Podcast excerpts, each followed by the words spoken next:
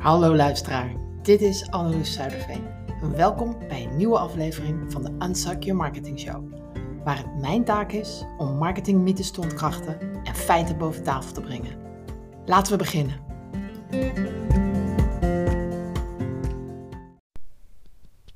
Is marketing gelijk aan mensen iets aansmeren? Dat is waar ik het deze week over ga hebben. En het is alweer aflevering 40. Dus ja, we schieten zo wel op. en ik begin eigenlijk om eigenlijk met iets te delen. Ehm, ik, heb, ik heb vorige week iets geks meegemaakt. Ik, uh, ik ben aan het denken om mijn uh, boek ook in het Engels uit te... Of ik ben aan het denken, ik ga mijn boek ook in het Engels uit te brengen. Mijn boek, Je hebt geen zichtbaarheidsprobleem. En ik ben me dus aan het oriënteren hoe ik dat het beste kan doen. Ga ik het zelf laten vertalen en dan weer uitbrengen, zoals ik het ook in Nederland heb gedaan? Of laat ik dat die hele funnel opbouw door iemand, uh, ja, ga ik dat uit handen geven. En dat kan dus, ja, uh, ik heb iemand gezien die precies werkt op de manier zoals ik dat graag wil. Dus ik had contact opgenomen in Amerika. En dit was een interessant gesprek. Het was niet met de persoon die mijzelf zou houden. Hij heeft een groot bedrijf. Hij verdient eigenlijk al miljoenen met boekfunnels. Dus dat is ook wel logisch. Ik sprak met een, een, een ja, een, een verkoper, iemand van het team. En in dat gesprek gebeurde iets geks. Iets geks waardoor ik afhaakte. En nee, dat was niet de prijs. Hoewel die ook zo hoog was, dat had ook zo kunnen zijn. Nee, ik ga delen wat er gebeurde. Het gesprek is zoals elke typische verkoopgesprek. Uh, misschien heb je dat zelf ook wel eens uh, aan de verkopende kant ervaren. Je krijgt gewoon allemaal vragen en dat, dat vrij goed. Het was interessant ook om mee te maken hoe zij die vragen stelden over over wat ik nou wilde bereiken en hoe dat eruit zag. En, en ze haalde ook echt het probleem naar voren. En ik vond het eigenlijk allemaal vrij smakelijk, omdat ik dus dat uh, in, in verkoopgesprekken toch graag anders doe. Maar ik ging erin mee. En uh, na ongeveer 40, 45 minuten, wat ik eigenlijk best wel lang vond met allemaal vragen, gebeurde er iets. Ik dacht dat ik even gek werd. En echt, er was gelijk dit stemmetje in mijn hoofd die zei: Wacht, koop ik nu iets van 60.000 dollar? Hè? Ja, dat was namelijk de prijs. Heb ik dan ja gezegd? Dit is wat er namelijk gebeurde. We waren in gesprek, het was zo'n 45 minuten en um, we hadden een heleboel vragen gehad. En zij uh, zei van nou, ik denk dat je geschikt bent voor dit aanbod.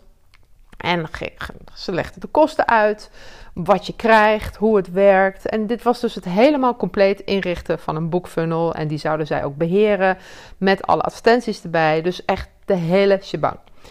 Ze had de prijs genoemd en toen vroeg ze: Heb jij nu nog vragen?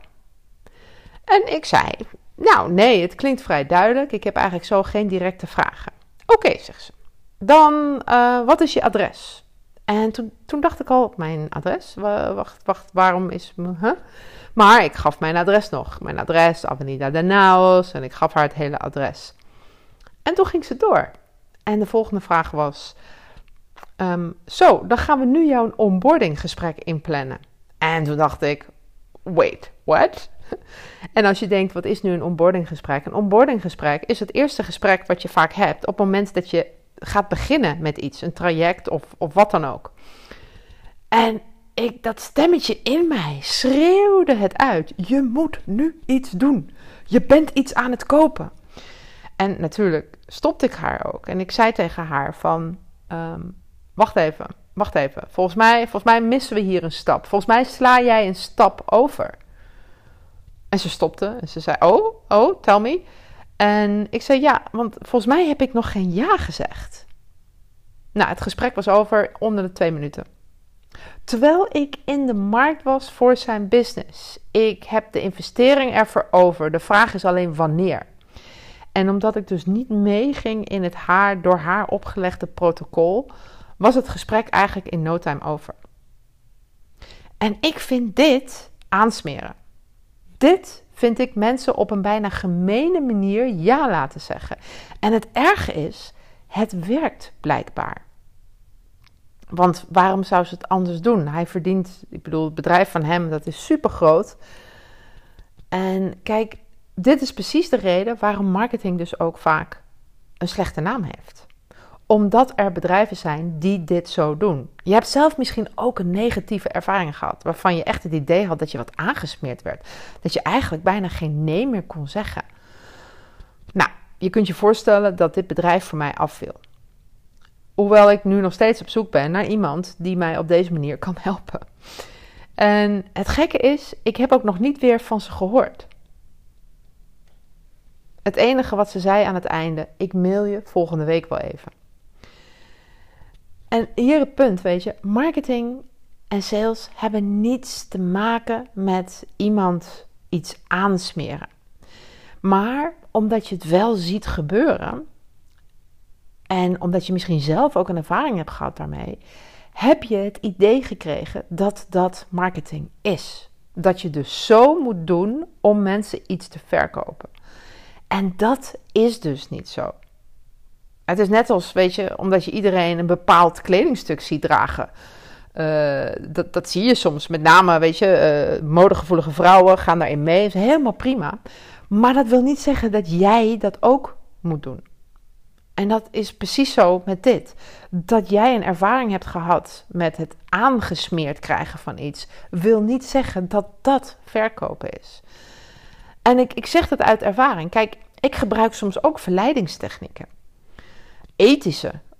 Zo tenminste hoop ik wel dat ze overkomen. En, en heel, heel vroeger, toen ik, um, toen ik nog aan het uh, telefonisch verkopen deed, had ik ook een trucje om mensen hun bankrekeningnummer te laten zeggen. Maar dat deed ik pas nadat ze ja hadden gezegd. En ze hadden ja gezegd tegen een gratis trial van iets een of ander uitproberen. Maar ja, wij hadden wel de opdracht om bij die trial alvast de bankrekeningnummer te vragen.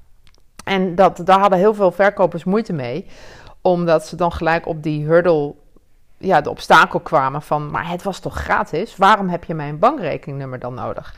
Dus wij hadden daar een heel mooie manier van vragen voor. Maar dat was nadat zij dus al wel ja hebben gezegd. Ik vind dat een beetje anders. En toch zou ik dat nu ook nu op deze manier niet meer doen. Zoals ik vroeger achter dat bankrekeningnummer uh, kwam. Dat is namelijk helemaal niet nodig. Weet je, marketing bestaat uit het mensen, uh, in mijn ogen, uh, helpen een keuze te maken.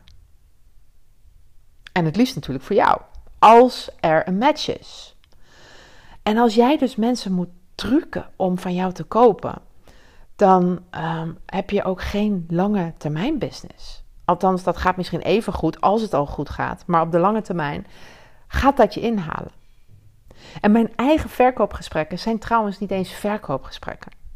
Het zijn, ik denk, meer verkenningsgesprekken. En zoals ze gaan is gemiddeld 50 tot 60 procent van de ondernemers die ik, waar ik mee praat, zijn ondernemers die je kan helpen. En de rest zijn nog niet op de plek waar ik ze kan helpen. Of er speelt iets anders, waardoor ik niet de juiste match ben om op dat moment iemand te helpen. En dat zeggen, dat is, vind ik, super heerlijk. Ik geloof dat ik nu geen match ben voor jou. Ik vind dat trouwens sowieso een veel krachtiger statement dan mensen ja, uh, iets aansmeren. Dat ze eigenlijk iets gaan kopen zoals mij dat dus werd gedaan in dit gesprek. En als je dit zegt, ik geloof dat ik geen match ben voor jou, weet je wat er dan gebeurt? Mensen gaan zich dan heel vaak zichzelf verkopen aan mij. Nou, moraal van dit verhaal is: marketing heeft niets te maken met mensen wat aansmeren. Marketing gaat over mensen helpen een keuze te maken. En jij kan ze daar dus heel goed mee helpen om die keuze te maken. En dat mag je dus ook zeggen als dat zo is. Dan ben je niet iets aan het aansmeren. Dan ben je iemand aan het helpen een keuze te maken. Je zou mensen zelfs tekort doen als je ze niet daarmee zou helpen. En er zijn trouwens vier redenen waarom mensen nu niet van je kopen. Ik deel ze aanstaande donderdag. In mijn masterclass klanten krijgen is niet moeilijk. Nu is er best kans dat je dit luistert na 3 november. Nou, ik geef hem vaker. Dus als je luistert en je denkt, dit klinkt wel interessant, maar het is al lang 3 november geweest, ga naar vraagandeloes.nl en als je dan op de link naar mijn website klikt, dan zie je vanzelf wanneer de volgende is. Is er geen datum, dan kun je daar gewoon je e-mail achterlaten. En nu ik dit natuurlijk ook zo zeg, van marketing is mensen helpen een keuze te maken, dan klinkt dat heel gemakkelijk. Maar als marketing voor jou echt voelt alsof je mensen iets aan het aansmeren bent, dan is dat een beperkende overtuiging. En dat is waar ik het in een andere aflevering over ga hebben. Want daar kun je ook iets aan doen. En het is makkelijker dan je denkt. Dus dat was het weer voor deze week. Ik hoop dat het je weer verder helpt. Heb jij nu zelf een vraag over iets wat ik nu net gedeeld heb? Of over iets heel anders in jouw marketingervaring, in jouw verkoopervaring, of misschien zelfs in je advertentieervaring? Laat het mij weten. Ga naar vraagandeloes.nl en je kunt daar je vraag indienen. Antwoord krijg je altijd en misschien behandel ik hem in een van de afleveringen. In elk geval heel erg bedankt en tot de volgende keer.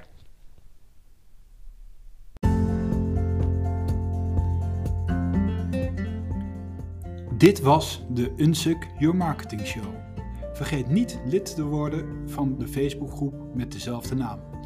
Anneloes Zuiderveen is de presentator en de oprichter van de Precision Marketing Academy. En beschikbaar voor privécoaching. Een hele fijne dag en tot volgende week.